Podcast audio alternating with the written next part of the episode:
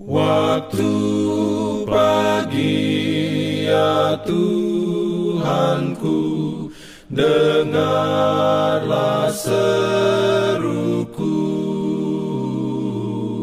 Melayang doa yang sungguh Memandang padamu.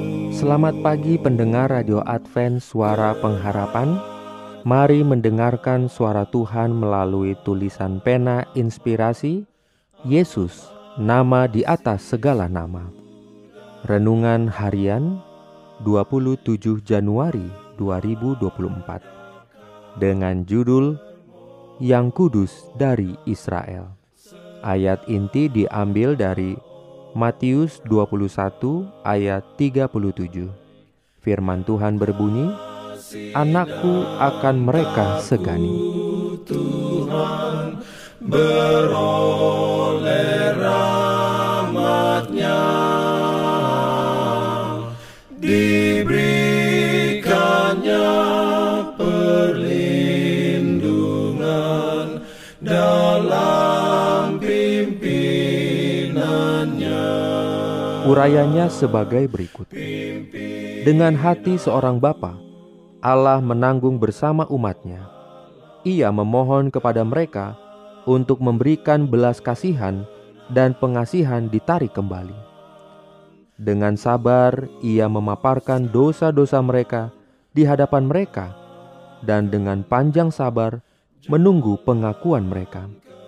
Nabi-nabi serta juru kabar-juru kabar dikirim untuk mendesakkan tuntutan Allah kepada para penggarap tetapi gantinya mereka itu diterima, mereka diperlakukan sebagai musuh. Para penggarap itu menganiaya dan membunuh mereka. Allah tetap mengirim juru kabar-juru kabar yang lain, tetapi mereka menerima perlakuan yang sama seperti yang pertama.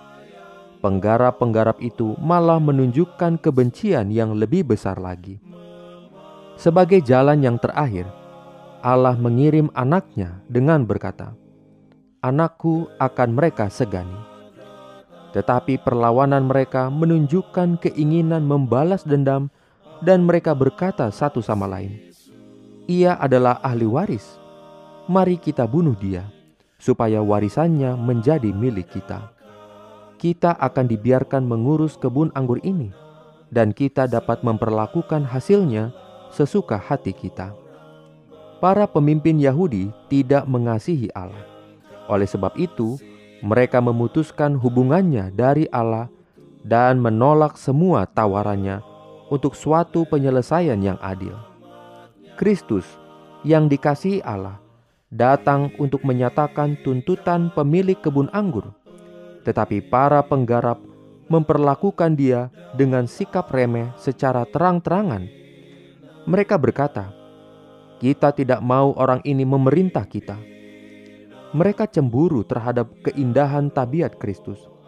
Cara mengajarnya jauh lebih unggul dari cara mereka, dan mereka iri hati atas kesuksesannya. Ia mencela mereka, membuka kedok kemunafikan mereka, dan menunjukkan kepada mereka akibat-akibat yang pasti dari tindak tanduk perbuatan mereka ini menimbulkan kemarahan mereka. Mereka merasa kesal atas celaan-celaan yang tak dapat mereka diamkan. Mereka membenci ukuran kebenaran yang tinggi yang senantiasa dikemukakannya. Mereka melihat bahwa ajarannya membuka kedok sifat mementingkan diri mereka, dan mereka memutuskan untuk membunuh dia. Mereka membenci teladannya yang jujur dan saleh, dan kerohanian yang ditinggikan terlihat dalam segala perkara yang dibuatnya.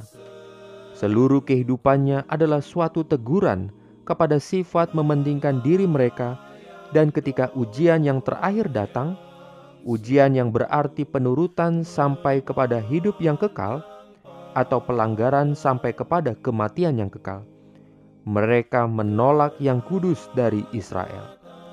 Ketika mereka ditanyai untuk memilih di antara Kristus dan Barabas. Mereka berteriak, "Lepaskanlah Barabas bagi kami." Dan ketika Pilatus bertanya, "Apakah yang harus kuperbuat dengan Yesus?" mereka berteriak kejam, "Ia harus disalibkan." Renungkan lebih dalam bagi Anda. Kapankah saya telah berusaha untuk membungkam suara Yesus karena Dia menghardik beberapa dosa yang saya hargai dalam hidup saya? Apakah saya berbeda dengan masa yang meneriakkan salibkan dia? Diberikannya perlindungan dalam pimpinannya. Jangan lupa untuk melanjutkan bacaan Alkitab sedunia. Percayalah kepada nabi-nabinya yang untuk hari ini melanjutkan dari buku Yesaya pasal 65.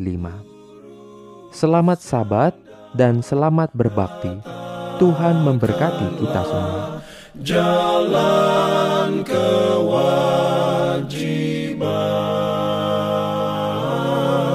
Jalan